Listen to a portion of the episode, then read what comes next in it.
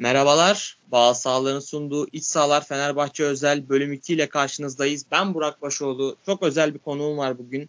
Habertürk Gazetesi Fenerbahçe muhabiri Ahmet Selim Kul. Abi hoş geldin.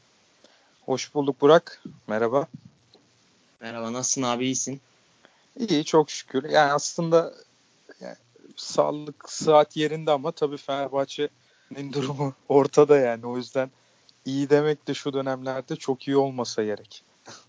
Aynen öyle vallahi. Ben bugün şeye baktım işte Trabzon Göztepe oynarken yani Trabzon puan falan kaybetmesin Göztepe'ye de Göztepe belki düşer diye baktım yani o da, o durumlardayız.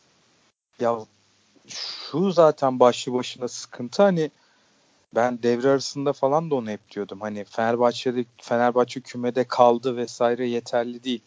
Hani iş Fenerbahçe bu tehlikeyi bile yaşamamalı diyordum ama e bakıyorsun kaçıncı haftaya geldik artık 23. hafta oynanıyor değil mi bu hafta?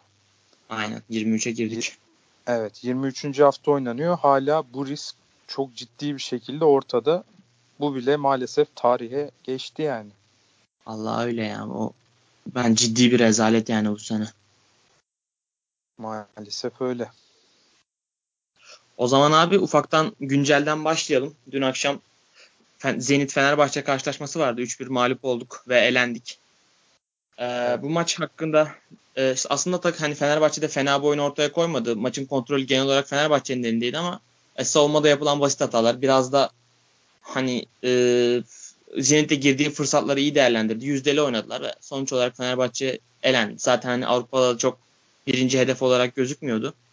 E, maç özelinde neler söylemek istersin abi? Neler düşünüyorsun? Ya aslında ben kura çekildiğinde benim de hiçbir beklentim yoktu bu turdan. Yani e, Fenerbahçe bu kadar derdin arasında e, Avrupa'yı düşünecek hali yok açıkçası. Fenerbahçe'nin başka sıkıntıları var. Ben hep onu söylüyorum. Bana işte vizyonsuz olmaktan falan bahsediyorlar ama bence bu gerçekçilik. Yani Türk takımlarının bu e, Avrupa'ya yani sonuçta Şampiyonlar Ligi'ne bir takım direkt olarak katılabiliyor ve diğer takımların katılma ihtimali gerçekten düşük. Biz bu işleri beceremiyoruz. E, hal böyle olunca Türk takımlarının Avrupa'yı Avrupa'ya önem verebilmeleri için önce Türkiye'de istikrarlı bir e, başarı yakalamaları gerekiyor. Ben hep bunu savunuyorum. E, Fenerbahçe şu anda tarihin en kötü sezonu yakalarken açıkçası Avrupa'dan benim hiçbir beklentim yoktu.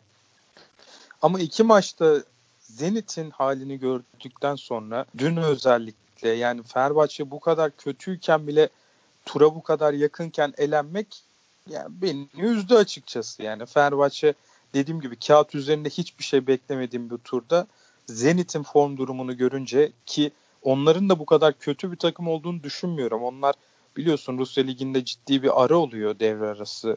Bizim devre Aynen. arasına gelen dönemimizde. Onlar da uzun bir ara oluyor. Bu süreçte Zenit'i böyle yakalamışken eleyememek üzdü. Normalde bir şey beklemediğimiz turda nasıl gitti diye senin de söylediğin gibi e, üzüldük yani. Maça baktığımızda ya beni sinir eden şu açıkçası. Fenerbahçe topu ayağında tuttu her dakika Zenit'i üstünlüğünü hissettirebildi ki e, kadroda birçok e, oyuncusu, ilk 11 oyuncusu yokken Dirar Soldado, e, Mehmet Ekici gibi oyuncuları yokken topu ayağında tuttuğu her anda üstünlüğünü hissettirebildi. Buna rağmen 3-1'lik bir yenilgi var ortada. Ya tabii hani Zenit yüzdeli oynadı diyorsun ama ya burada ben aslında geldiğinden beri Ersun Yanal'ı çok fazla eleştirmiyorum. Gerçekten çok zor bir dönemde geldi. E, işi zor, takım kötü, e, uğraşması gereken çok fazla problem var.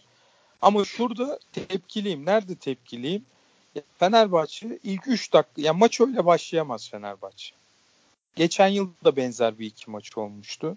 Ben böyle şeylere çok kızıyorum. Yani şimdi bu maça hazırlanıyorsunuz. Önemli bir maç. İlk maçını şimdi Zenit dedik. Evet Fenerbahçe için Avrupa bu sezon çok fazla önemli değil. Avrupa'da devam edip etmemesi. Ama ilk maçı kazanmışsın ve Zenit seni çok fazla zorlayamamış. Zenit'in etini vudunu görmüşsün. Yani turu geçme şansın var. 1-0'da gayet güzel bir sonuç. Şöyle güzel bir sonuç. Mesela iki gol yiyorsun. Bir gol attığında tur gene sana geliyor. Yani tabii, tabii. 90 dakika Fenerbahçe devreye avantajlı girdi sonuçta. Yani devrede devreye girdiğinde 45 dakika kaldığında hala bu iş Fenerbahçe'deydi. Yani bizim tarafımızdaydı. Ama şimdi ben dediğim gibi şunu anlayamıyorum. Ya maça nasıl bu kadar kötü başlıyorsun? Hatırla bir tane Zuba'ya uzun attılar. Bir tane yani pozisyona dönüşmedi ama bir tehlikeli geldiler. Yanılmıyorsam sol kanattandı. Üçüncüde de golü buldular dördüncü dakikada. Yani 3-4 dakikada acemilikten 3-4 tane pozisyon veriyorsun. Bunu ben kabullenemiyorum. Burada teknik HT benim yapacağım en temel eleştiri bu. Ya bu maça bu artık buna konsantrasyon eksiğiyse de bu teknik heyetin sorunu. E, taktiksel eksikse de teknik heyetin sorunu.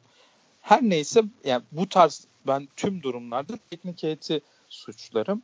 Onun dışında golden sonra takım reaksiyon verdi. Şöyle verdi.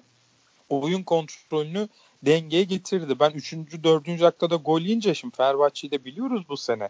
Hani çok kırılgan bir takım. Yani hemen işte bütün hatlar kopuyor, oyuncular pas hatalarına başlıyor. Erken gol yiyince eyvah dedim yani. Bir facia olur mu bilmiyorum. 4'e 5'e gider mi diye düşündü orada. Değil mi? Senin de aklına gelmiştir yani. Hani Fenerbahçe'nin bu yıl kendi düşündüğünde. Yani herkesin aklına bu ihtimal geldi ama bir reaksiyon verdi takım. Toparladı. Oyunu dengeye getirdi. Sonra saçma sapan bir gol daha yedi. Ee, hadi ki bence bizim bulduğumuz gol de e, açıkçası attığımız gollerden çok farklı değildi. Neden değildi? E, tabii ki Mehmet Topal'ın mükemmel bir golü var. Bu golü eleştirmek için değil ama hani Topal'ın düzenli yaptığı işler değil bunlar. Sol ayağıyla çatala sen hatırlıyor musun böyle bir gol? Yok auto vurduğunu hatırlıyorum ben genelde. yani tam geçmişte Braga'ya falan attığı goller var ama Topal'ın istikrarla yaptığı işler değil bunlar. Biz de bana göre biraz kısmet golü bulduk ama olabilir. Bunları işte zaten bu tarz e, kötü gidişatlarda bu kısmetleri değerlendirdiğinizde e, o kötü yerlerden çıkabiliyorsunuz. Devreye bir şekilde gittik. İkinci yarıda şunun altını çizmek istiyorum. Bana göre taktiksel anlamda bir değişiklik olmadı Fenerbahçe'de ama e, ben Tolga'nın oyuna girmesi Tolga'nın bireysel özellikleriyle Aynen. işi tamamen pas oyununa çevirdi. Yani ben şöyle düşünüyorum. Ersun Yanal yani maçın ilk yarısında da oyuncularına bunu demiştir yani. Topu ayağınızda tutun. Çok fazla havadan oynamayın. Yerde tutmaya çalışın. Pas sayımızı arttıralım. Garantiyi oynayalım. E, topu çevirelim. Rakibi kalemizden uzak tutalım. E, bu şekilde zamanı eritelim. Yani Fenerbahçe'nin planı bana göre ilk yarıda da budur. Hani ben Ersun Yanal'ın düşünmüyorum işte havadan oynayalım, basalım, tabii, önde basalım, şurada şey yapalım dediğini sanmıyorum. Ama Tolga'nın girmesi ayırmak lazım. Hani Tolgaylı Fenerbahçe ve Tolgaysız Fenerbahçe olarak ilk yarıda oynanan oyun, ikinci yarıda bambaşka oyun. İkinci yarıda Fenerbahçe e, Zenit'in gol atması gerekiyordu ama oyun hep Fenerbahçe'nin elinde. Fenerbahçe hiç oyunun kontrolünü Zenit'e vermedi evet. aslında. Evet. İşte ben bunun sebebinin hani taktiksel bir değişiklik değil, oyuncunun etkisi olduğunu düşünüyorum. Yani Tolgay bunu çok güzel bir şekilde hocanın bana göre maç başında verdiği taktiği çok güzel bir şekilde uygulamaya başladı ikinci yarıda. Bu da senin dediğin durumu doğurdu. Yani gol atması gereken Zenitken top kontrolü Fenerbahçe'ye geçti. Ama işte burada e, işte ben sallayınca kızıyorlar. Hala şey falan diyorlar. Ya her kötü gidişatta ona sallıyorsun falan. Bana göre her şeyin sorumlusu olduğu için ona sallıyorum. Yani orada işte Komolli faktörü devreye giriyor. Ersun Yanal istemez miydi bu takım bu maça elinde bir forvetle başlamak ki orada belki biraz Soldado'nun tercih edilmemesini bir nebze tartışabiliriz ama yani baktığında forvetsiz Fenerbahçe e, o iyi oynadığı bölümde işi sonuca dökemedi. Yani golü ihtiyacı vardı yoktu ayrı mesele. Ama golü atabilecek oyunu oynadı mı? Oynadı kesinlikle oynadı. Ya bence oynadı ama atamadı. Burada işte kime döneceğiz? Ben Komolli'ye dönüyorum. Onun sayesinde o golü bulmayınca hata gene Mehmet Topal ilk yarıda dediğim gibi o mucize işini tersi yönde. Yani kimse tabii ki Moses'ın topu kaptırması orada büyük hata işte e, hani diğer stoperlerin belki yavaş kalması eleştirilebilir ama orada topu aldıktan sonra bırakıyorsanız e, yeni bir başlangıça imza atmış oluyorsunuz. Yani topu aldığınız anda arkadaşlarınızın hatasını kapatmış oluyorsunuz. O konu kapanmış oluyor. Ama orada topu kaptırıyorsanız bu hata da size yazar. 3-1 oldu. Ben hala Fenerbahçe'nin eleyeceğini düşünüyordum. Çünkü gerçekten Zenit'te hani yani Zenit gerçekten bir şey oynamadı yani. İyi yaptığı bir sayabilir misin bana mesela? Yani havadan toplarda hep etkili oldular cihaz aslında şişirdiklerinden. Yani yerden Fenerbahçe istediğini yaptı maçta. Yani, tabii canım yani o da fizik farkından dolayı hani e, bir oyun planından ziyade işte Zuba'nın o e, Serdar Azmun gerçekten iyi bir oyuncuymuş. Onu da tanıdık. Fenerbahçe sever biliyorsun yeni transferleri yıldız yapmayı tarihi boyunca. Haftanın oyuncusu ee, oldu zaten. E, çok normal ya yani hiç. Zaten şey e, ben açıkçası takip edememiştim. İşte maçın spikeri yeni transfer olduğunu söyleyince tabii ilk yarıda da bir gol bir asist yaptı. Dedim hoş geldin yani tam maçına denk gelmişsin. Fenerbahçe'nin tarihi biliyorsun yeni transfer. Yeni transferleri formsuz oyuncuları parlatmakla doludur. Aynen öyle aynen. Şey böyle takımda hafif böyle yalpalayan bir adam varsa direkt hani Fenerbahçe maçında kendini bulabilir yani. Tabii, Aslında tabii. Kata geldi o geldi ama Silmani maalesef yine gol yapacak vuruşu yapamadı. Ya sana bir şey söyleyeyim mi? Belki de geldiğinden beri en güzel vuruşunu yaptı ama ya. Aynen şeye çarptı, savunmaya çarptı. Evet, çarpmadı bildiğin topun önüne atladı yani. O da kısmetsizlik oldu yani. Bana göre geldiğinden beri belki de en güzel yere en düzgün vuruşunu yaptı ama orada da olmadı. Ya dediğim gibi bu tur çok önemli değildi. Hani Fenerbahçe'nin Avrupa çok düşünmesi gereken bir şey değil şu anda. Bu da vizyonsuzluk demek değil veya bu da işte e, vasat severlik falan olmuyor. Gerçekçilik oluyor bu. Fenerbahçe'nin önce lige dominasyon getirmesi gerekiyor. Ligde dominasyon sağlaması gerekiyor. Ve UEFA'yı mesela hedeflemek bir Türk takımı için UEFA Avrupa Ligi'ne hedeflemek Şampiyonlar Ligi'nden elendikten sonra olmalı. Yani Şampiyonlar Ligi'nde üçüncü olursunuz UEFA'yı almayı hedefleyebilirsiniz. Diğer türlü e, Avrupa Ligi'nden başladığınızda bu işte her zaman söylüyorum öncelik Türkiye Ligi şampiyonluğu olmalı. Türkiye'de istikrar ve başarılı olmalı.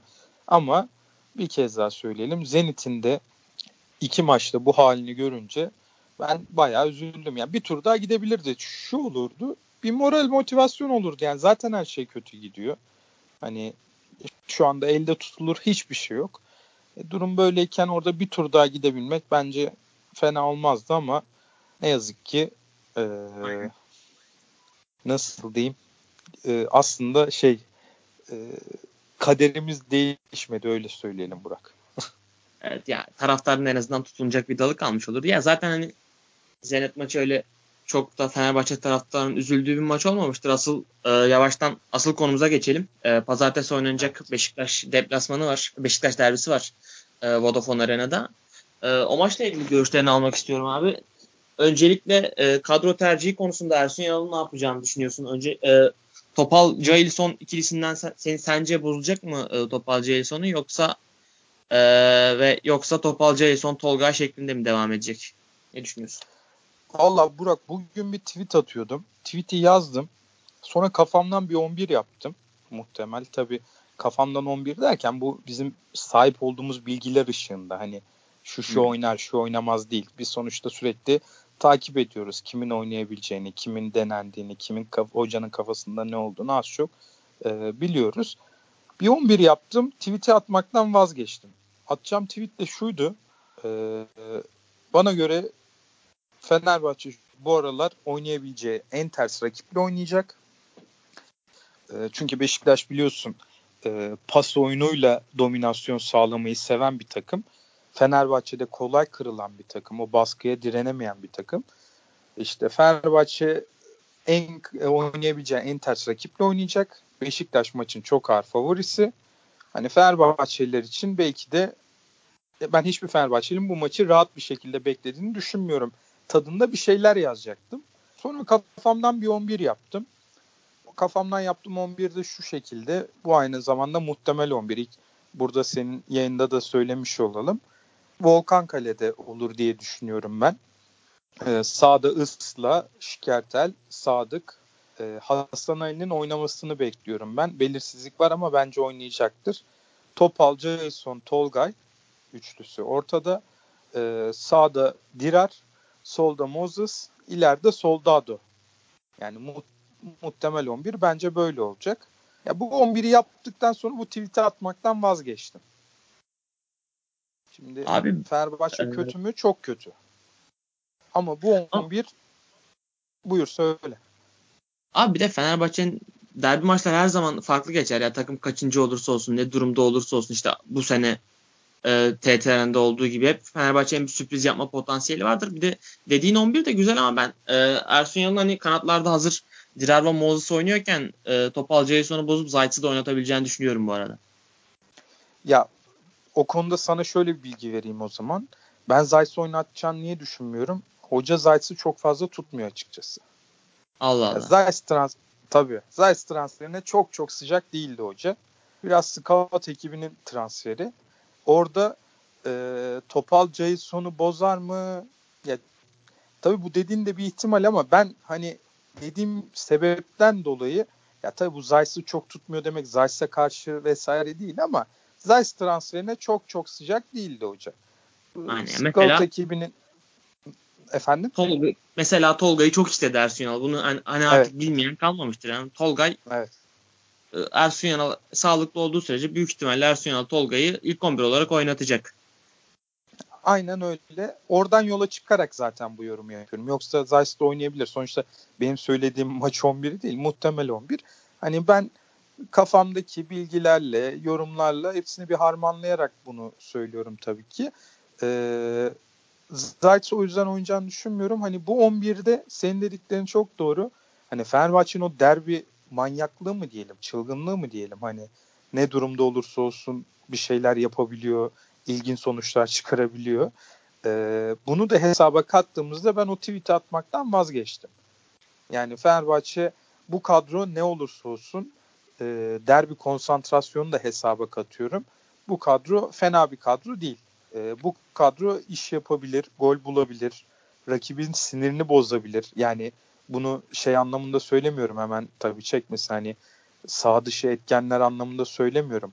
Oynadığı Yok. oyunla rakibinin sinirini Aynen bozabilir. Öyle. Beşiktaş'ta yani, da hani çok önemli bir eksik var. O tüm pas bağlantısının merkezindeki adam Adem Laiç sak, e, Fenerbahçe'nin şansında sarı kart cezası. Çok saçma sapan bir e, corner direğine tekme atmıştı geçen evet. hafta. Bu maçta yok. Ağlayacaktı neredeyse. Haklı da. Aynen öyle. Çok büyük handikap bence Beşiktaş için.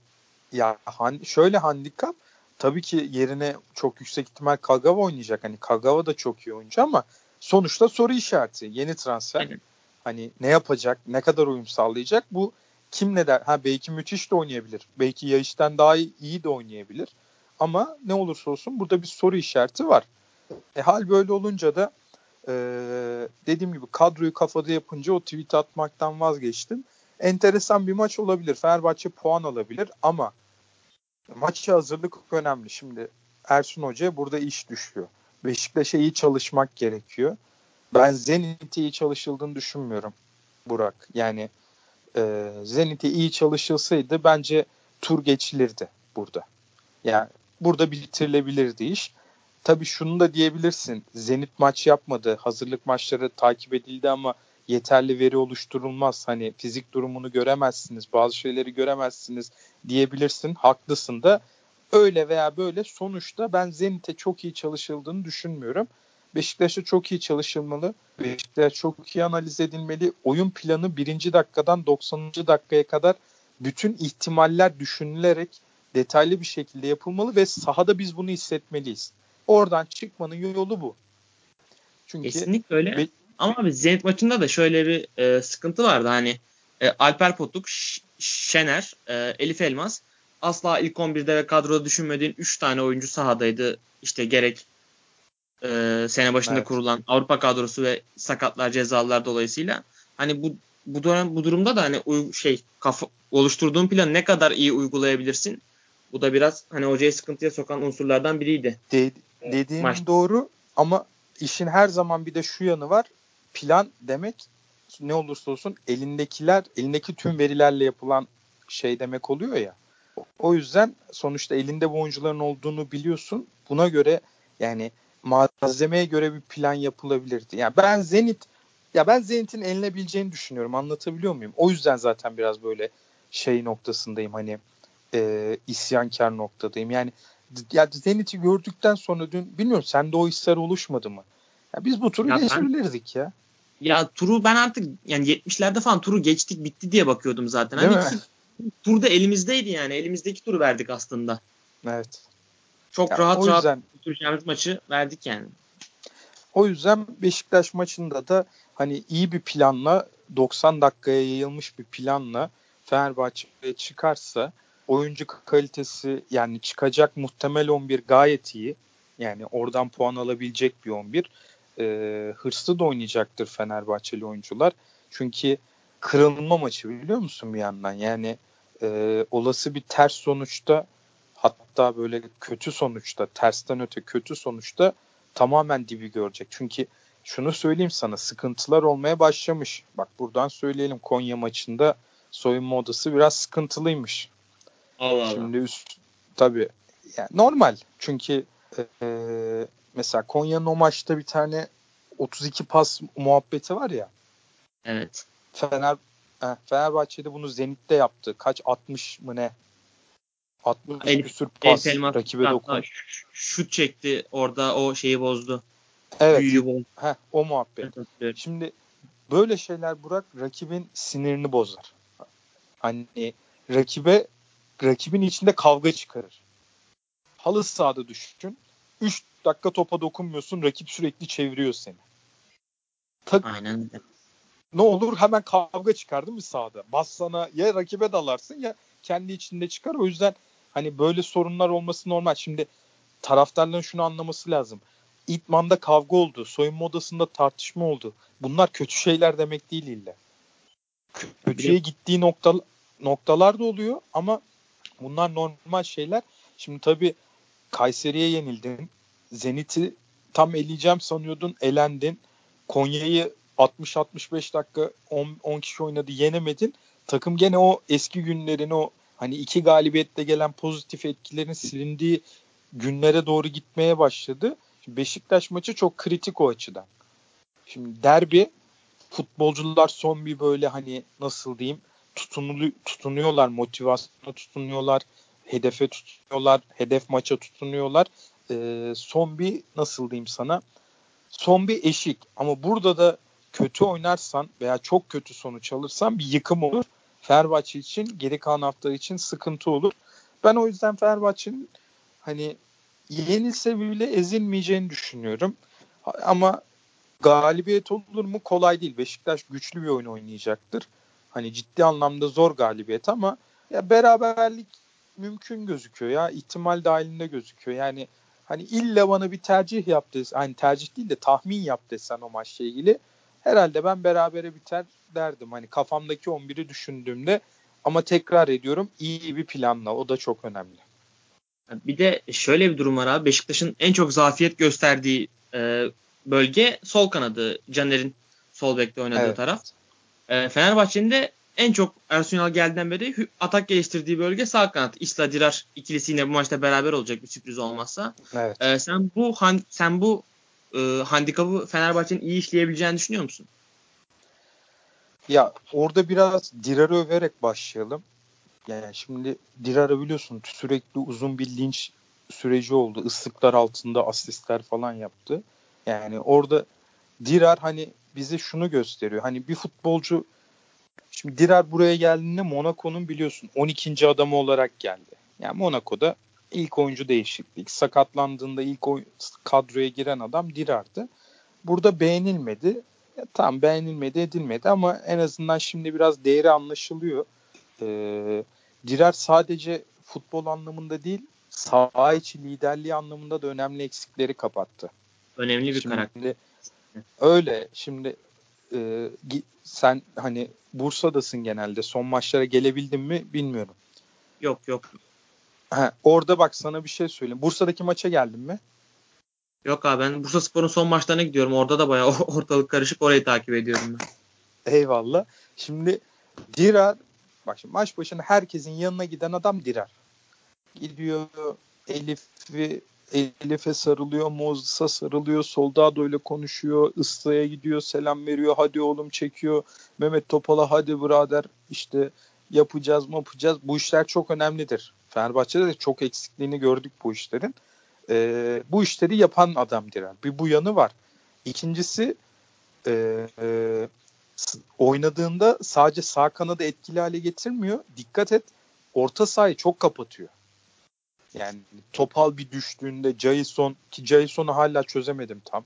Bir maç diyorum ki aa bak bu tamam okey iyi futbolcu. Bir maç diyorum ki hiç buraların adamı değil kafalı başka yerlerde çok savruk. Hani ya Jason istikrar... iyi futbolcu bence ama sanki böyle bir 6 numara ile 8 numara arasında bir yerde sıkışmış gibi duruyor. Yani ikisi de tam mevkisi değilmiş gibi duruyor Jason. Oynadığında yani öyle geliyor. Ama işte o o dediğin sıkıntılı bir şey biliyorsun. Tabii tabii çok hani, sıkıntı bir durum ya. Evet yani savrukluğu yaratan o olur zaten. Ee, ben o yüzden işte Jason hakkında karar veremedim dediğimde aslında biraz o oluyor.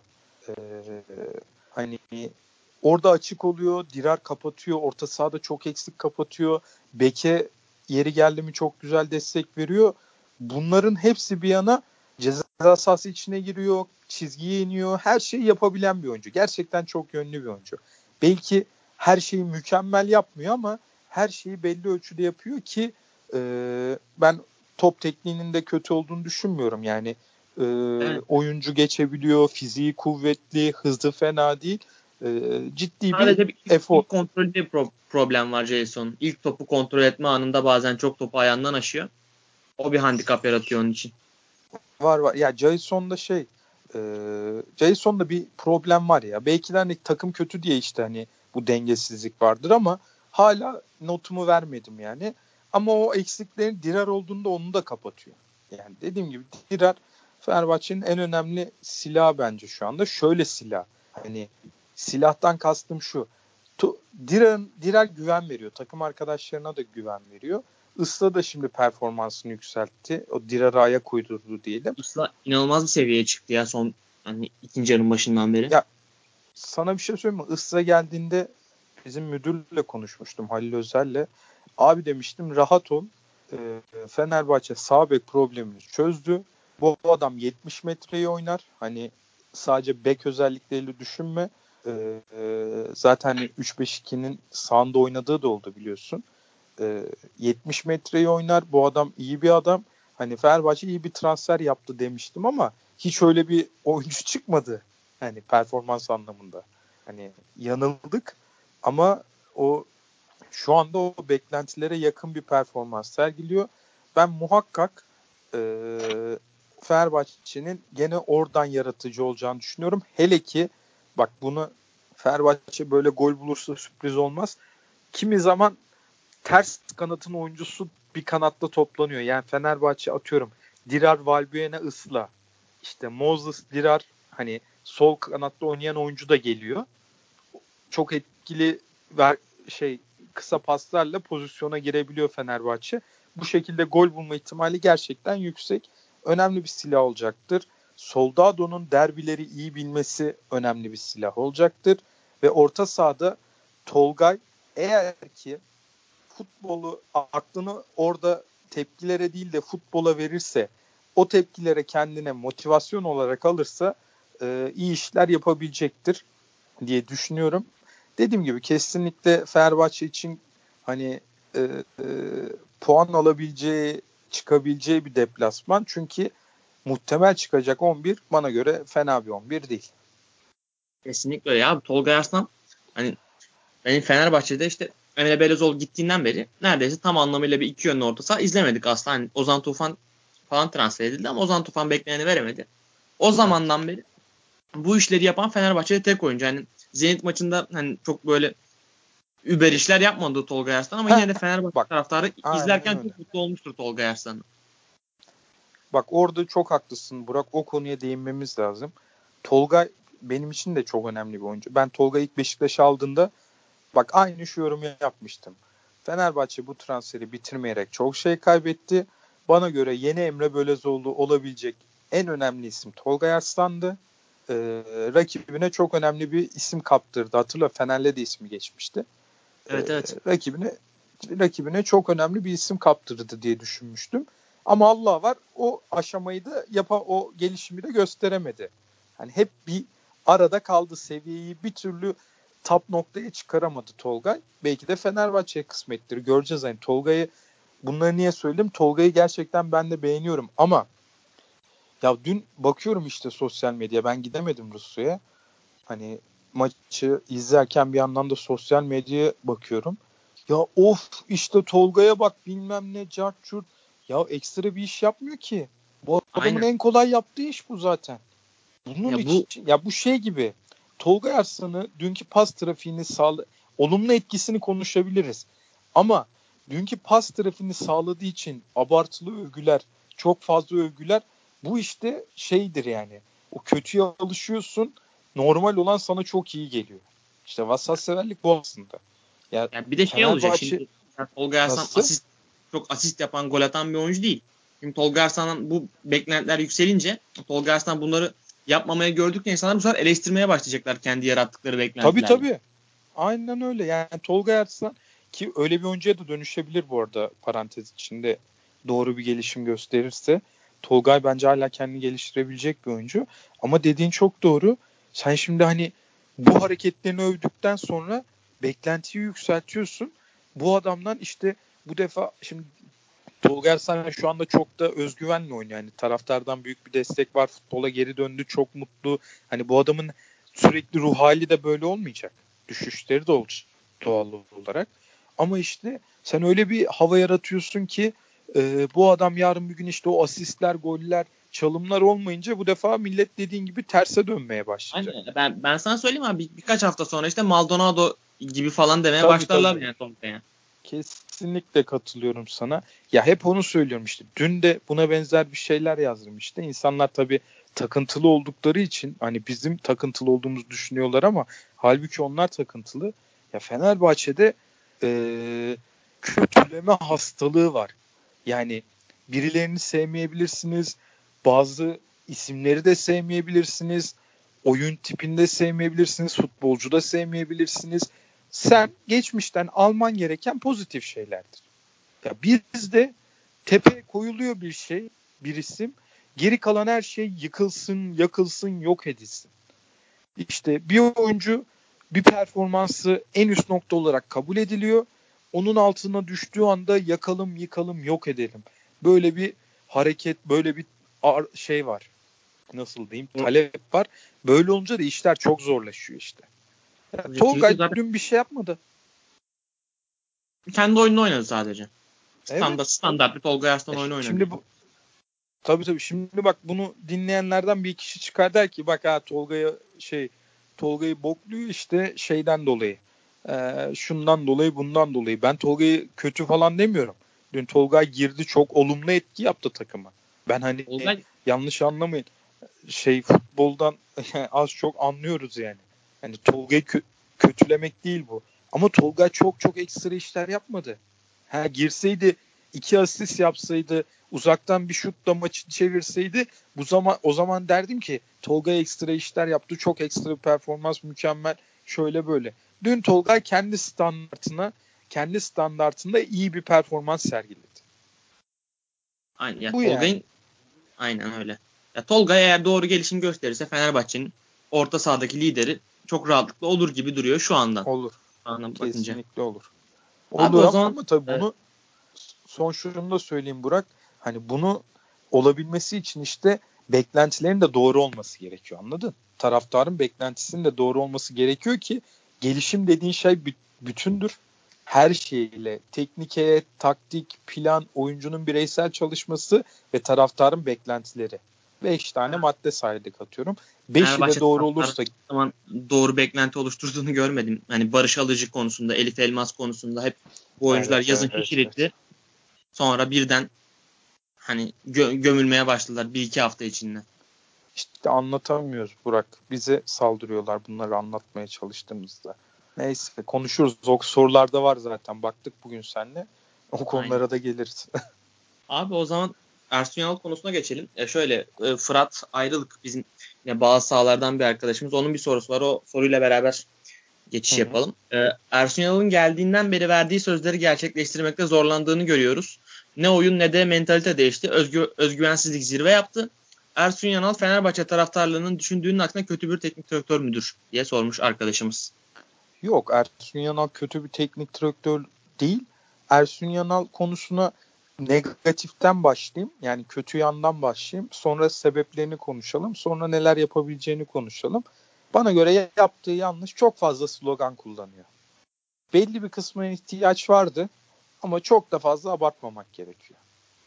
Anlatabiliyor evet. muyum? Yani e, Fenerbahçe şöyledir, böyledir, işte Fenerbahçe şunu yapar, böyle olacak, şu olmayacak. Belli bir seviyede buna ihtiyaç vardı ama çok fazlasına gerek yok. Ya, ya Ersun Yanal 2013-2014'te başarılı olmasını sağlayan en önemli faktör sürekli ne olursa olsun saha içinde kalmasıydı. Şu an evet. kendi iyi olmadığı alana itiyor biraz kendini. Aynen öyle. O sloganlar fazlalaşınca saha içinden çıkıyorsun. Ersun Hoca çıksın bize artık. Bak çok net söylüyorum. Kardeşim biz maçta şunu şunu şunu planladık. Şunu yapacağız. Bunu yapmak istiyoruz. Ee, şu şekilde oynayacağız. Bu şekilde topu çevireceğiz. Burada basacağız. Burada çıkacağız. Maç öncesi anlatsın. Maç sonunda da gelsin bize desin ki şunu yaptık, bunu yapamadık, şu eksikti, bu fazlaydı. Artık sağ içine dönsün. Yani sloganlara gerek yok. Fenerbahçe yani vardı. ilk başta gerek vardı ama bence biraz ipin ucu kaçtı. Burada Aynen. bir eleştirim olur Ersun Yan'la bu şekilde. Onun dışında şimdi e, transferler geç yapıldı bir kere onu söyleyelim. Yani her ne kadar e, Komolli ve sene başında artık transferler gecikmeyecek vesaire dese de transferler çok gecikti. Bunda Fenerbahçe'nin bana göre stratejik hataları da oldu yani mesela e, yani Serdar Aziz, Tolgay konusunda sen kafadan bu oyuncular bizi istiyor dersen rakip kulüpte bunu son güne kadar bekletir seni. Sen belki takip etmişsindir. Ben transferin ilk günlerinde millet bitti vesaire derken herkese şunu söylüyordum. Bağlandığım her yerinde şunu söylüyordum. Bu transferler olacak ama transferin son günü belki de en son saatinde olacak ama şu anda olmasını beklemiyorum diyordum. Keza öyle evet. de oldu. Aynen. Yani bu bu yönetimsel bir hatadır maalesef. E, transferler geç oldu. Takımda çok ciddi gruplaşma vardı Burak. Ama bu gruplaşma demek şu demek değil. Yani e, o onu sevmiyor bu bununla kavgalı gruplaşması değil. Herkes kendi kafasında. Bir bütünlük yok. Herkes bir köşede takılıyor. Ondan sonra herkesin aklı başka yerlerde. Hani böyle bir gruplaşma vardı. Bunu toparlamak için bayağı uğraştılar. Bu bir vakit kaybetti, bir vakit kaybettirdi bir kere. E, genel olarak bir hüsran durumu var. Yani herkesin psikolojisi yerlerde. E, oyuncuları tek tek toparla, takımı toparlamaya çalışmak bir problem. Oyuncuları tek tek toparlamaya çalışmak bir problem. E, Slimani Benziye gibi isimler zaman kaybettirdi. E, bazı nasıl diyeyim sonuçlar gelmeye başladığında işte hakem olayları yaşandı vesaire yaşandı. Bu tarz Abi çeşitli Bilmem katılır Slimani'de çok zaman kaybedildiğini düşünüyorum ya Fenerbahçe açısından. Hani öyle bu öyle. Kadar, bu kadar uzamamalıydı bu mevzu. Yani bu ilk ikinci yarının başında ikinci forvet olarak Ayev Ayev'se Ayev, Alper'se Alper kimse kim buna karar verilmeliydi artık Silmani ile ona göre süre verilmeliydi Silmani'ye. Yani olmayacağı belliydi bu adamdan artık. Ve kiralık mı Ne kadar kafasını verebilir ki Fenerbahçe'ye? Katılıyorum. O konuda bir şey daha söyleyeyim. Bak Slimani'nin maliyeti 6,5 milyon euroya yakın. Toplam evet. bir senelik maliyet. Ve yan sen 7 milyon euro diye kıyamet koptu ki haklı bir kıyamet kopmasıydı. Bir oyuncuya bir yıl için ve satın alma opsiyonu da yok. 7 milyon euro vermek çok büyük para vermek. Ama Slimani'ye de neredeyse o kadar para verildi. Hani o konuya da böyle açıldı mı değinmeden gidemiyorum. Biraz sinirleniyorum doğal olarak. Dediğin doğru Slimani'de vakit kaybedildi ama biraz mecburiyetten oldu işte. Sonuçta forvet. Hani Ayev net forvet değil. İşte Alper falan onlar net forvet değil. Hani Slimani forvet kazanmak istedi Ersun Hoca. Hani herkesi kazanmak istedi. Onu da kazanmak istedi. Hani vakit kaybedildi mi? Evet kaybedildi ama hani neden denedin de diyemiyorum. Hani zor bir meseleydi çünkü. Dediğim gibi e, o şekil veya bu şekil bu, e, Fenerbahçe oyuncuları kazanmak için ciddi efor sarf etti. Burada kaybedilen vakitler oldu. İstikrar bir türlü sağlanamadı. Dediğim gibi iki galibiyet aldın. Hakem mevzuları oldu. Bazı sonuçlar seni aşağıya çekti. Ee, Ümraniye Spor faciaları yaşandı. Bak onun savunulacak bir yanı yok. Ama sonuçta yaşandı. O oldu bu oldu derken bir türlü o topal yani Ersun Yanal etkisini göremedik. Abi Ama... daha ceza ve sakatlıklar konusunda bence hani tabii, ma- tabii. mazeret tabii ki ama gerçekten kuvvetli bir mazeret. Ersun Yanal asla 2 bir 11 ile 3 maç ard arda oynayamadı. Doğru işte o o şeyin de onu da söylemeyi unuttum iyi hatırlattı. Yani kadro mühendisliğinin sıkıntısını yaşadığı ya ben bir ara ben şimdi takip ediyor sürekli hani bunları bilmemiz gerekiyor. Ulan işte Avrupa'da kim oynuyordu, kim oynamıyordu, ligde kim sakat, Avrupa'da kim benim bile kafam karışıyordu. Öyle Aynen bir öyle. tane bomba da yaptım. Hani şirket atıyorum Avrupa maçı için 11 veriyoruz. Oynamayan oyuncuyu yazıyor. Artık iyice allak bullak oldu. Anlatabiliyor muyum? Tabii Neden zaten... oldu? Çünkü lafını kestim galiba. Yok yok sıkıntı yok. Ha, bu neden oldu? Çünkü kadro mühendisliğinde sıkıntı vardı. Onun da sıkıntısını yaşadı ciddi anlamda. Ya Ersun Yanal'ın nasıl diyeyim? Ya şimdi bu laf çekilmesinde başka. Ersun Yanal neden olmadı? Neden e, başarılı olamadı kısmının bir sürü açıklaması var. Ama bir eleştiri başta yapmıştım. Bir tane de sonda yapayım. E, bir şekilde artık bize bazı imzalar göstermesi gerekiyor. Mesela bir tane gösterdi. Ne? Fenerbahçe çok güzel goller atıyor. Bunlar çalışmadan olmaz. Yani onların etkilerini görüyoruz. Fenerbahçe böyle biraz daha dirençli bir takım olmaya doğru gidiyor. Böyle bize 3-4 tane daha madde koyması gerekiyor hocanın ve bu şekilde e, kendi imzalarını hissettirmesi gerekiyor. En azından sonuç gelmese bile diyeceğim ama artık sonuca da ihtiyacı olduğu için takımın bu imzaları koyarken yanına sonuçları da tabii eklemesi şart. Ama hani ne, Ersun Hoca kötü hoca iyi hoca kısmından ziyade neden olmuyor kısmını bence bayağı geniş sebeplerle açıkladık. Ee, ama o da şunu da söyleyelim ne olursa olsun istediğiniz kadar krediyle gelin. Ya burası Fenerbahçe hani sonuç alamazsınız olma o da farkında gerçi bunların anlatmaya gerek yok o yüzden. Hani e, kendisinde farkında sonuç alması gerektiğinin. Umarım da alır yani çok çalışıyor, çok e, mesai harcıyor. Dediğim gibi benim ona yapabileceğim eleştiri, en temel eleştiri biraz o slogan muhabbetinden uzak durmalı.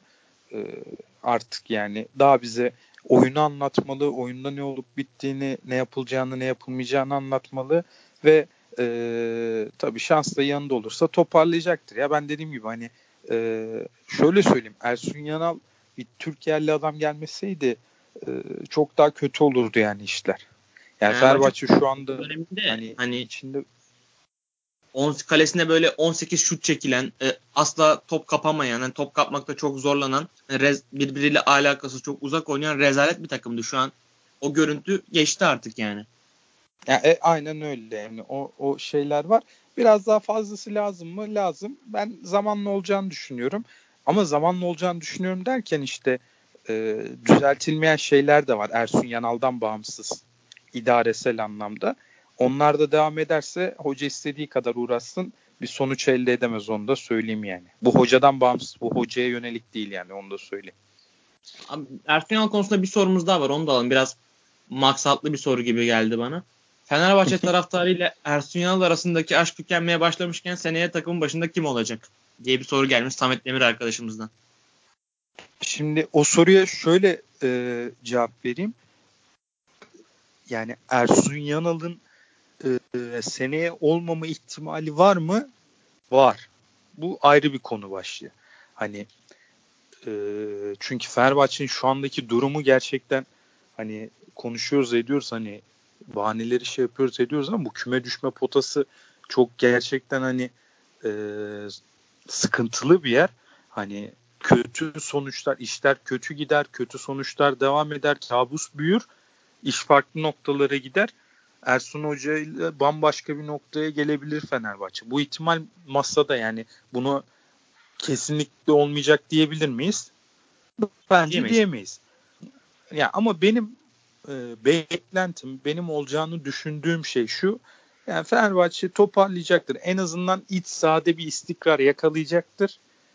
Ee, ve Ersun Hoca bu şekilde önümüzdeki sene sezonun hazırlıklarını yaparak artık takımı da tanı, tanıyor tabii oyuncuları da. İşte yeni sezonda transferlerle. Sezon başı yeni... kampını Ersun Yalın'ın yapması çok önemli. Ersun Yalın çünkü kendi oyununa yüklediği bir görev yüklediği bir kondisyon var ve evet. o fizik kondisyona sahip olmadığı zaman takım çok zorlanıyor. Ya öyle e, o konuda da iki iki tane farklı yorum var. Yani e, o kondisyonu artık yani o bazı oyuncuların kaldıramadığı falan da söyleniyor. Ya bunlar sonranın konuları Burak. Yani e, Aynen. sene sene başı sene sonu kısmından ziyade dediğim gibi Ersun Yanal bence bu ikinci yarıda pardon e, kendi sahasında bir istikrar yakalayacaktır. Bundan sonra bir şekilde Rize maçıyla başlayacaktır diye düşünüyorum. Yani kolay bir maç olmayacak ama zar zor da olsa o maçta o istikrar başlayacaktır. Ee, o istikrarlı sonuçta Fenerbahçe küme düşme hattından uzaklaşarak ligi tamamlayacaktır ve yeni sezona da muhtemelen daha çok daha farklı bir havayla girecektir. Ha, yeni sezonda daha farklı açılardan bakacağız tabii Ersun Hoca'ya da oynattığı oyuna da yaptığı işlere de. Şimdi çok farklı açılardan bakıyoruz. Ama dediğim gibi ben arkadaşın sorduğu sorunun ihtimali var mı? Evet var. Yok değil ama e, Yok, benim beklentim biraz matkaplı geldi. Ersun Yanal arasında taraftar arasındaki aşk tükenmeye başlamışken kısmı biraz şey geldi. Ama yok şu var Burak vallahi bak sosyal medya öyle çok tüketiyor ki tabii, tabii, tabii genel yani, genel kitle değişmiyor ama yani her şey işte Tolga işte Tolga olayını konuştuk ya benzer düşün yani. Yani evet. Ersun yanında tüketir. Bak ben zaten bunu anlatmaya çalışıyorum. Hani bu tüketim mantığı olursa bugün Ersun Yanal'ı tüketir, yarın Ali Koç'u tüketir, ertesi gün kulübü tüketir. Hani bu tüketim çılgınlığından kurtulmak gerekiyor zaten. Ya her şey mükemmel olmaz sürekli. Ya, Tolga Yasan e, sürekli böyle girip maçın seyrini değiştiremez. Her maçta müthiş pas trafiği istasyonu yaratamaz. Adamın e, en yaptığı normal işe mükemmel dersen bu adam daha iyisini yapamaz daha sonra her sürekli anlatabiliyor muyum? O yüzden bu tüketim kültürünün e, çok sevilen isimlerde dönmemesi için genel bir çeki düzen verilmesi gerekiyor. Ersun Yanal'ın hala kredisi var. E, dediğim gibi ben iç sahada o istikrarı yakalayarak Ersun Yanal'ın önümüzdeki sezon çok daha sağlıklı bir şekilde takımını hazırlayacağını ve Fenerbahçe'yi tepeye oynatacağını düşünüyorum. Ee, umarım da dördüncü yıldızı takar Fenerbahçe önümüzdeki sezon. Çünkü herkesin buna ihtiyacı var. O da buna yaklaşmıştı. Bir şekilde olmadı. Umarım o da hayalini gerçekleştirir. Fenerbahçeliler de mutlu olur. Ama önce bu rezil durumdan, bu kabus durumdan çıkmak gerekiyor. Bu da bir gerçek.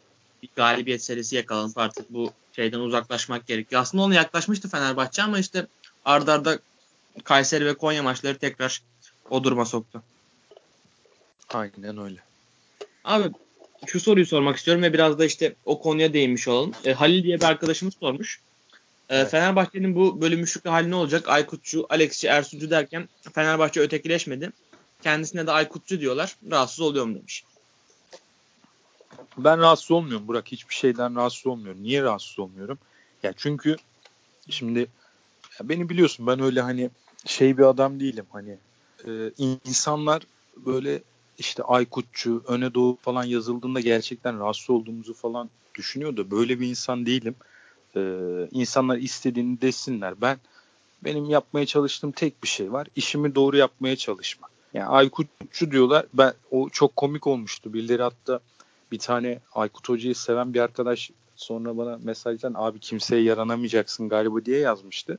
Yani geçtiğimiz yıl ben işte şey yazmışım Aykut Hoca ile ilgili büyük takım teknik direktörü olamayacak kadar inatçı yazmışım. O şey döneminde Osmanlı spor döneminde. Ya o dönem öyle düşündüğüm için öyle yazdım. Şimdi bu bu çok ağır bir eleştiri. Değil mi yani? Ya, evet. Büyük takım hocası olamayacak kadar. Çok normal bir durum. Zaten sabit fikirli olmak asıl sıkıntı yani. Ya kesinlikle. Ya şimdi ben bunu yapmaya çalışıyorum. İyiye iyi, kötüye kötü demeye çalışıyorum. Ya sen kötüyken de iyi diyorsan iyi olduğunda iyi demenin bir e, kıymeti harbiyesi olmaz anlatabiliyor muyum? Sen her zaman iyi diyorsun zaten. Kötüken de iyi diyorsun. Kötüken de susuyorsun. Kötüyken kötü, iyiyken iyi. Ben ocu bucu hiçbir şeyci değilim. İnsanlar da bunu bırakmalı. Bak dün yazdım. Buradan da açıklayayım bir kez daha. Fenerbahçe öyle veya böyle 2013'te bunun Aykut Kocaman ismiyle şahsıyla alakası yok. Bunu dağım üzerinden de anlatabiliriz. Bunu atıyorum arka beşli muhabbet üzerinden de anlatabiliriz. Zico üzerinden de anlatabiliriz. Şimdi 2013'te bir tane e, başarı elde edilmiş. Fenerbahçe yarı finale çıkmış. E, ondan sonra ondan sonra Fenerbahçe'de bir kültür oluşmuş. İçeride geleni geçeni Fenerbahçe tokatlıyor. Haksız mıyım? Tabii tabii öyle. Yani iç sahada bakıyorsun Manchester'lar, Feyenoord'lar ondan sonra işte formda takımlar, Benfica'lar, Ajax'lar yani kim gelirse gelsin Fenerbahçe burada rahat rahat yeniyor. He, arada kaza alıyor işte. Molde yeniliyor. Gidiyor deplasmanda intikamını alıyor. Grup, o grupta istediğini alıyor çıkıyor. Bakıyorsun o kadar kolay gözüküyor ki ya bu yıl Fenerbahçe bu haldeyken Avrupa Ligi'nde gruptan çıktı. Her şey diyebilirsin kolay grup zor grup. Ama bak Beşiktaş çıkamadı. Yani bir şekilde Fenerbahçe bir istikrar yakalamış değil mi? Ya şimdi atıyorum Aykut Kocaman'ı sevmiyorsun. Sevme. Ya bu adam bunu yakalamış. Sen niye bu başarıya saldırıyorsun? Ya neymiş efendim? Yarı final sezonu Victor Pilsen elemiş, Bate Borisov elemiş. Ya bunu Fenerbahçeli söylüyor. Bu inanılır gibi değil. Bunu Galatasaraylı'nın söylemesi lazım. Yani rakip taraftan söylemesi gereken de Fenerbahçe söylüyor.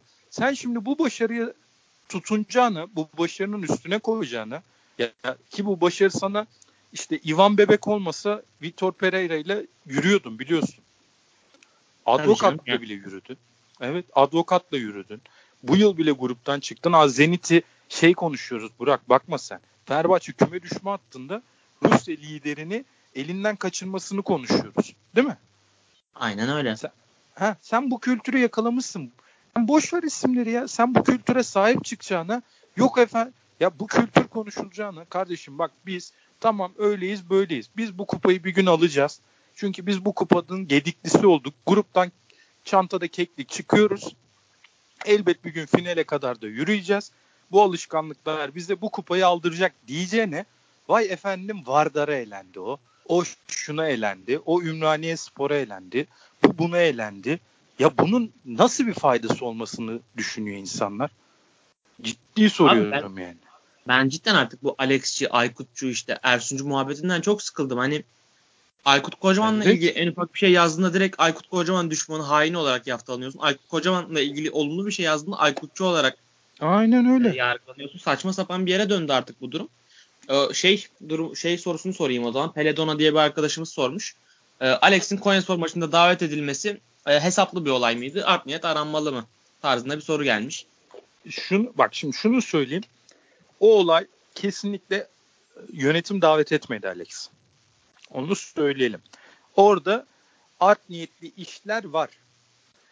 Ben yine e, Alex'in buna alet olmaması gerektiğini söylüyorum. Alex o maça gelmemeliydi.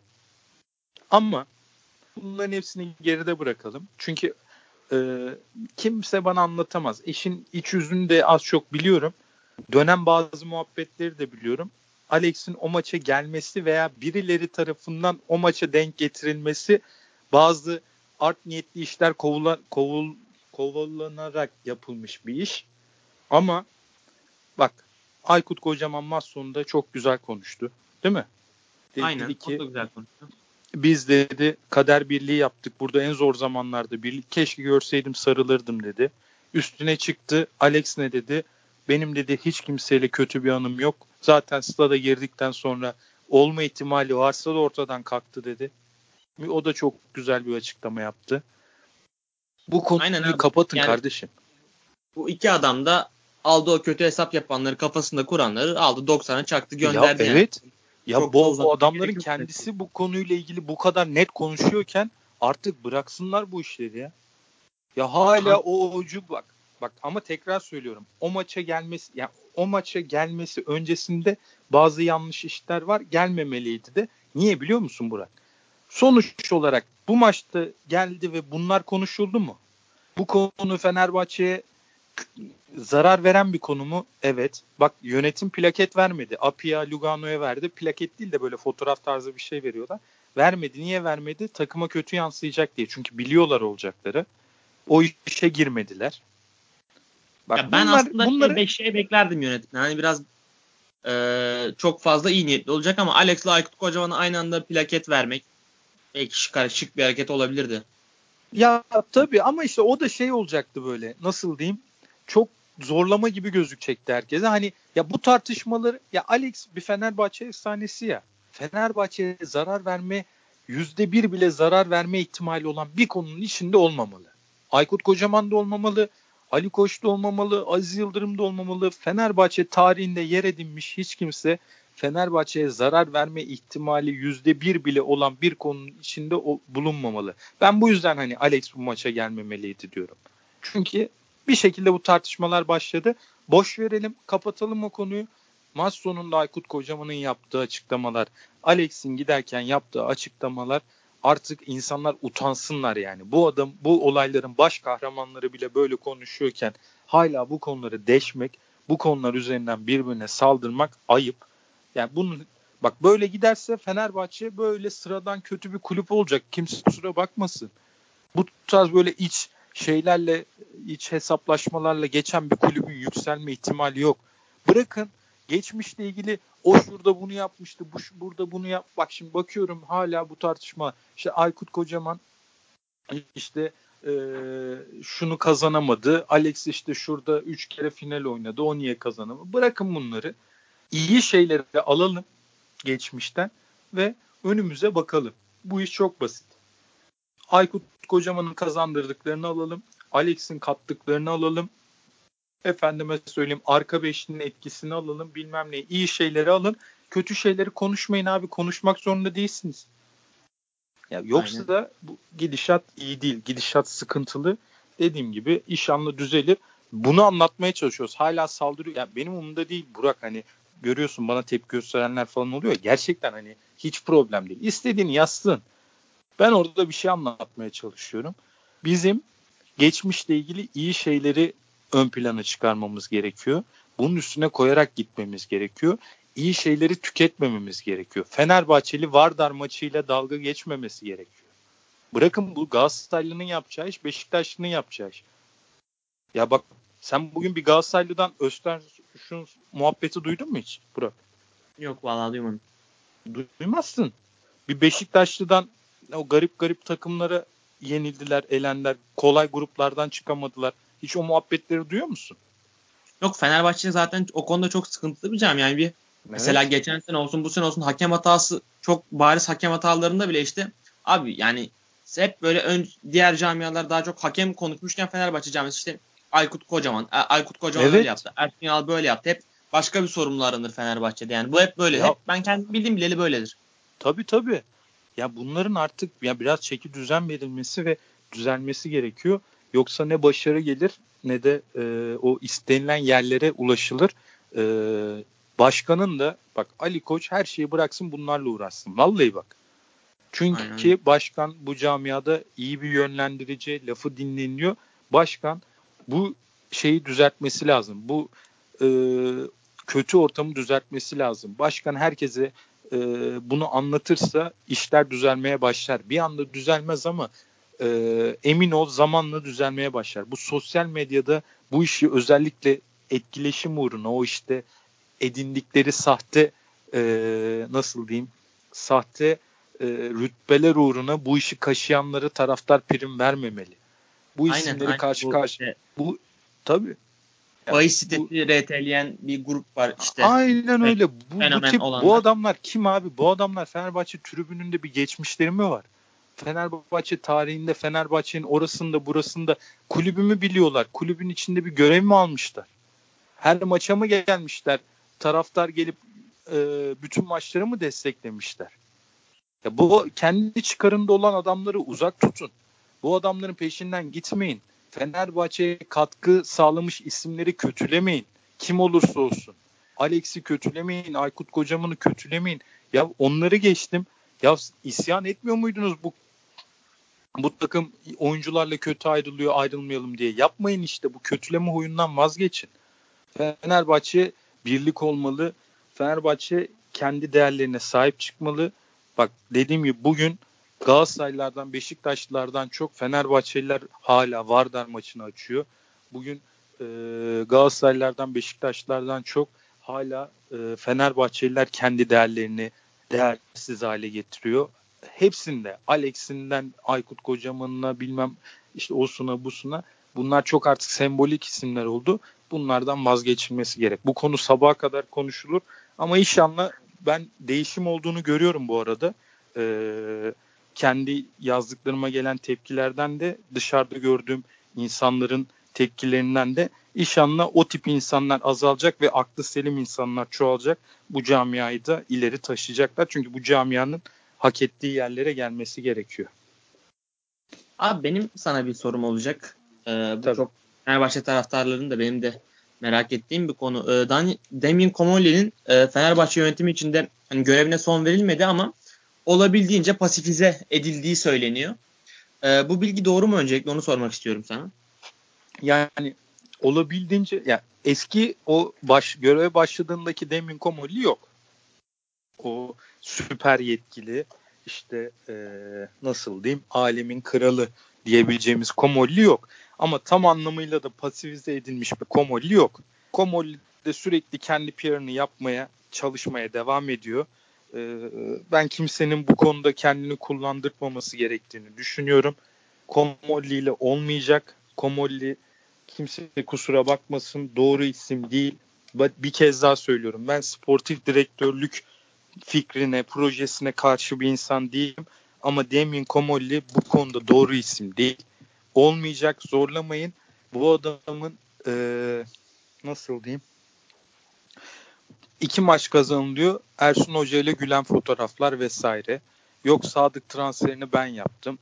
İki işte e, bakıyorum hemen işler biraz iyi gitmeye başlıyor. Böyle transferleri kıyıdan köşeden övülmeye çalışılmaya falan başlanılıyor. Bu işleri yapanların ne amaç taşıdıklarını tam çözemedim ama e, Demin Komolli ben sana şöyle söyleyeyim Burak işe en güzel şekilde özetleyecek. İşler kötü gitmeye devam ederse sırada o var. Anlatabiliyor ben Komolli'nin ne olursa olsun e, sene sonunda görevine son verileceğini düşünüyorum. Komolli'nin ben şu an kalmasının sebebi olarak tamamen hani Ali Koç sene başında Koku ve Komolli'yi getirdi. Hani Koku'yu gönderdi. Ama hani sene içinde ne olursa olsun hani Komolli'yi de gönderdi olmasın diye şu an ben yönetimde kaldığını düşünüyorum kendi kendime. Ya yani bu konuda yüzde yüz net konuşamam ama yani ben Komolli'nin Fenerbahçe kariyerinin e, öyle çok çok daha uzun süreceğini düşünmüyorum dediğim gibi. E, bak bir cümleyle ya bu konuda ben çok konuştum ya o yüzden biraz artık konuşmaktan sıkıldım. Hani e, insanlar evet, beni şey sanıyor en sevmediğim özelliktir.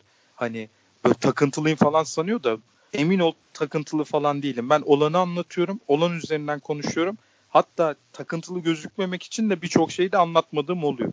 Ama şunu söyleyeyim sadece iyi sözleşme yapıyor olabilmek, Avrupa futbolunda iyi kontaklarının olması Fenerbahçe sportif direktörlüğü için yeterli meziyetler değil kardeşim. Böyle bir sürü adam var. Bak böyle bir sürü adam var. Bak Fenerbahçe Frey'in olabileceğini düşünen bir adam Fenerbahçe'de çalışamaz. Fenerbahçe'yi tanımıyor. Fenerbahçe öğrenemez ya. Fenerbahçe ben Avrupa'da benim bir sürü gazeteci arkadaşım var. Avrupa'da bir sürü normal futbolu takip eden arkadaşlarım var. Fenerbahçe'nin ne olduğunu, nasıl bir şey olduğunu onlar çok daha iyi biliyorlar Komolli'den. Anlatabiliyor muyum? Frey, Frey transferini konuşsan zaten sadece şu şimdi başlarsın sabaha kadar konuşursun yani sadece ondan. Öyle. Yani Frey Fenerbahçe'de olabilir. Bak ben sana bir şey anlatayım mı? Çok komik. Bak ama bunu da burada ilk kez anlatıyorum. O da senin programın özel olsun. İsviçre Ligi'nde oynayan eski bir Fenerbahçeli belki çok fazla yetenekli değildi ama bence sevilen bir isimdi. Reto Ziegler. Değil mi? Evet. Ya şu Frey'i alma... Ha? Evet evet Reto Ziegler. Reto şey bir sorsaydınız ya bu adamı. Bak Reto Ziegler'e bir sorsaydınız ya bu adamı. Bak Reto Ziegler'in Frey aynı ligde oynuyorlar. Frey çok fazla yani tanımıyordu öyle söyleyeyim sana. Tabii ismini falan öyle duymuştur yani tanımıyordu. Frey sonra Zikler arıyor Fenerbahçe'yi soruyor gidebilir mi diyor. İstiklal şey diyor hani sorman saçmalık diyor hani gidebilir miyim ne demek. Ya düşün İsviçre Ligi'nde oynayan yıllardır Sion'da oynuyor biliyorsun kaptanı galiba zaten. O, adam Frey, o adamın dikkatini çekmemiş bir oyuncuyu alıyorlar buraya getiriyorlar. Neymiş efendim maliyeti düşükmüş de bilmem neymiş de şuymuş buymuş. Ya kötünün maliyeti düşük olsa ne olacak? Yani sonuçta sen ona göre onu ona göre plan kuruyorsun. Ona göre santrfor. iki tane santrfor alıyorsun. Yani bir tane Tabii. Fernando'yu göndermezdin en kötü. Fernando Evet. ile devam ediyorsun. Şu an Fenerbahçe'nin bence bir 9 puan kafadan fazla puanı vardı kesinlikle. Ya, tabii canım. Ya Böyle bak varsayım diyorum yapmayı ya. da sevmem aslında ama öyle yani. Ya böyle bu işler böyle. Ya kimse kusura bakmasın Komolli ile bu iş olmaz. Bu iş olmayacak da. Hiç kimse direkt PR çalışmalarına falan soyunmasın. Ee, şimdi de şey dikkatimi çekmeye başladı. Bak bunlar doğru işler değil. Fenerbahçe sürekli genç oyuncuları transfer ediyor ya. Bunlar bakıyorum haber oluyor sağda solda. Ya bunlar haber olacak şeyler değil. Bir iki tanesi olur. Çok böyle dikkat çeken bir oyuncu transfer edilir altyapılardan. Anlatabiliyor muyum? Çok parlamıştır işte. Medyaya yansımıştır. Onu alırsın o haber olur ama yok 13 yaşında şunu aldı, 14 yaşında bunu aldı. Ya bunlar niye bu kadar haber oluyor ya, gündem oluyor? Bir de bunlar her zaman olan şeyler zaten. Ali Koç Evet. durumda değil bu. Ya benim hani Ya bu Kendi es- tanıdığım eskiden arkadaşım de Fenerbahçe böyle transferler yapıyordu. evet, evet, Bunlar On niye haber oluyor? Ha, ne zaman haber olur biliyor musun? Ne zaman haber olur biliyor musun? Bu oyuncu gelir A takıma göz kırpar, çıkar, hikayesine haber yaparsın. Ya neymiş 13 yaşında onu aldı, 14 yaşında bunu aldı, yok bilmem ne falan fistan. Ya bunlar doğru işler değil. Bunlar farklı şişirmeler öyle söyleyeyim ben. Bunlara hiç gerek yok. Yani bunlar kovalanmasın. Komolli de dediğim gibi Fenerbahçe'de gidecek ilk isim olur. Yani kötü gidişat sürerse, bu düzenlenemezse bu işler sıra Komolli'ye gelir. Ben de senin dediğine hani bilgim yok o konuda. Bilgi üzerinden konuşmuyorum. Yorum üzerinden konuşuyorum ama ben seneye Komolli'nin olacağını ben de düşünmüyorum. Abi o zaman e, çok e, kısa bir hakemlerle ilgili bir görüşünü almak istiyorum senin. Hani e, ikinci yarının başından beri e, Malatya Spor, Göztepe Spor ve Kayseri Spor maçlarında işte Fenerbahçe'nin benim asıl dikkatimi çeken olay orada şey değil yani kırmızı kartlar vesaire değil. Benim orada Evet. dikkatimi çeken o maçlarda Fenerbahçe'nin sarı kart cezalısı olma o- olan oyuncularına bir şekilde kart çıkması o maçlarda. Kasıtlı mı bilmiyorum. Ama enteresan bir durum var ortada. Ee, bununla ilgili ne düşünüyorsun? Bu konuyla ilgili ne düşünüyorsun? Bir TFF'de de bir sıkıntı var. Bununla ilgili böyle ufak ben bir yorum. bu konuyla ilgili çok genel konuşayım Burak. Bak biz lobi yapmayız bilmem ne vesaire bunlara çok katılmıyorum ben. Bak ben başkan Ali Koç başkan ka- seçim kampanyası döneminde bizim gazetemizi ziyaret ettiğinde orada ona şu soruyu sormuştum. Sayın Başkan eee, Ali Bey demiştim. Ozan tabii daha başkan olmamıştı. Ali Bey demiştim. eee, herkese işte zeytin dalı uzatmaktan bahsediyorsunuz işte eee, iyi geçinmekten bahsediyorsunuz ama ben Fenerbahçe'yi yıllardır her aşamasında takip ediyorum. Hani taraftarken de şeyken de Aziz Başkan da zamanında kulüplere çok fazla iyilik yaptı. Onların çok fazla para kazanmasına vesile oldu vesaire. Çok babacan tavır gösterdi. Türk Futbolunda Kulüpler Birliği Başkanlığı yaptı. Herkesin ortak takdiriyle. Ama sonra okların nasıl ona döndüğünü hep birlikte gördük. Siz bu konuda bu tarz bir sorunla karşılaşmaktan çekinmiyor musunuz diye sordum hani. Yani şunu anlatmaya daha sonra hatta orada Serdar Çelikler de vardı. Serdar abi de şunu söyledi hani ben katılıyorum dedi. Fenerbahçe Türkiye'nin hani Bayern Münih gibi olmalıdır, güçlü olmalıdır dedi. Fenerbahçe öyle Fenerbahçe'yi kimse sevmez dedi. Ben katılıyorum buna. Ee, hakemler konusunda çok genel konuşacağım bunun üzerinden. Fenerbahçe başarılı olmak istiyorsa medya, federasyon, efendim kurullar bilmem ne her yerde güçlü olmak zorundadır. Ya Fenerbahçe'nin kulüp yapısı budur. Ya bunun lamacı mı olmaz? Bu da başka türlü sağlanmaz. Güçlü olacaksın, çalışacaksın. Adam yetiştireceksin, adamını tutacaksın.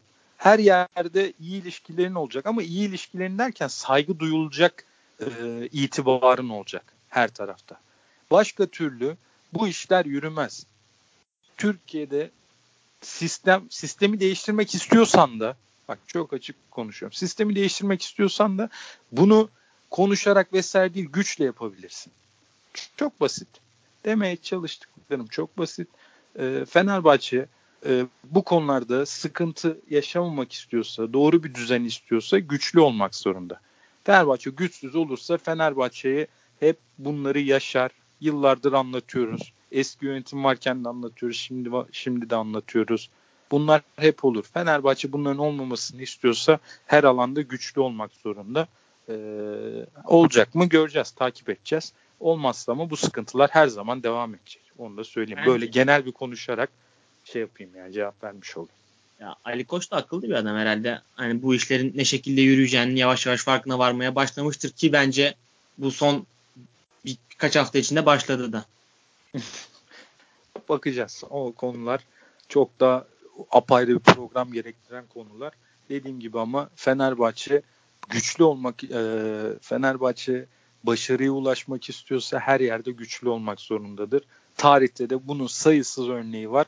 E, yani aslında bizim konuşmamıza gerek yok. Geçmişe bakmak bu konuda yeterli. Abi o zaman e, Fenerbahçe'yi kapatalım. Çok kısa ligle ilgili bir iki soru soracağım Hı. sana. E, ligde şampiyonluk yarışının nasıl şekilleneceğini düşünüyorsun? Galatasaray, Başakşehir ve Beşiktaş şu an potada olarak görünüyor. E, Beşiktaş'ın bu yarışı sonuna kadar sürdüreceğini düşünüyor musun? E, ve ipi kimin gözleyeceğini düşünüyorsun şu anki konjonktürde? Ya şöyle söyleyeyim Başakşehir'e karşı tabii müthiş bir mücadele başladı. Yani e, ben Fenerbahçe'yi takip eden biri olarak bu mücadeleyi çok defa gördüğüm için hani Başakşehir'in işi zor ama kadro kalitesiyle ve oyun kalitesiyle bunun altından kalkabilirler. Açık konuşayım Burak. Kim şampiyon olur hiç bir kestiremiyorum şu anda. Lig çok böyle e, nasıl diyeyim belirsiz benim gözümde birçok nedenden dolayı. O yüzden o konuda net bir şey söylemeyeceğim ama ben e, şöyle biraz farklı olmaya çalışayım. Yani Beşiktaş Fenerbahçe'yi yenerse evinde ve bir iki maç daha böyle arka arkaya seriyi sürdürebilirse Beşiktaş aradan sıyrılma ihtimali var. Çünkü ben Beşiktaş'ın e, öyle veya böyle kadrosunun hala e, şampiyonluğa gidebilecek e, en özellikli kadro olduğunu düşünüyorum. Başakşehir aslında kağıt üzerinde evet daha özellikli bir kadro, daha iyi bir kadro ama hani o işte taraftar olmaması, o tarz konsantrasyonsuzluk, konsantrasyon sorunları farklı sonuçlar getirebilir o son virajlarda. Ee, dediğim gibi Beşiktaş seri yakalarsa şu önümüzdeki 3-4 haftada seri yakalarsa bence bir numaralı favori olacak. Ee, Galatasaray'ın da şu kolay bir iki maçı var ama ben zor maçlarda Galatasaray'ın tökezleyeceğini düşünüyorum açıkçası. Ama tabii dediğim gibi en net fikrim de şu bana göre çok belirsiz bir lig oynanıyor. Sonucunu kestirmek gerçekten zor. Peki abi teşekkür ediyorum bu yorum için. Bir de son olarak bir sorum daha var. Ee, bu sene küme düşme üçlüsü yapsan kafanda hangi üçlüyü yazarsın? Vallahi o konu da çok karışık. Çok karışık işte yani, o yüzden soruyorum zaten sen ne düşünüyorsun? Aynen. ya hayır şöyle e, kimi her hafta bir üçlü yapıyorum.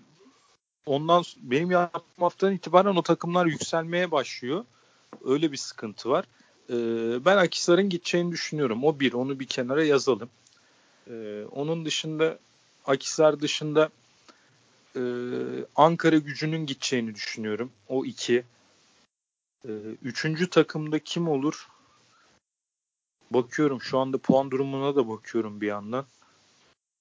Ben sürpriz oynayayım burada. Kayseri toparladı çünkü Kayseri diyordum eskiden ama üçüncü takımda Antalya Spor olabilir Burak. Benim tahminim Ankara gücü Akisar Antalya Spor. Abi ben de Akisar'la Ankara gücünü senin gibi düşünüyorum. Şey de işte üçüncü de Kasımpaşa olacak ya Antalya olacak gibi geliyor bana. Eğer Kasımpaşa'dan Mustafa Denizli ayrılmazsa ayrılırsa değişebilir işler de şu an oynadıkları futbola net düşme adayı bence Paşa'dan. Evet sıkıntılı onlarda ama Kasımpaşa bence toparlayacaktır. Antalya Spor muhtemelen gidici olur gibime geliyor. Ee, zaten Antalya'dan şu anda iki tane takım var ligde. Antalya Spor'un ilk yarıda topladığı puanlar da biraz e, tesadüfiydi.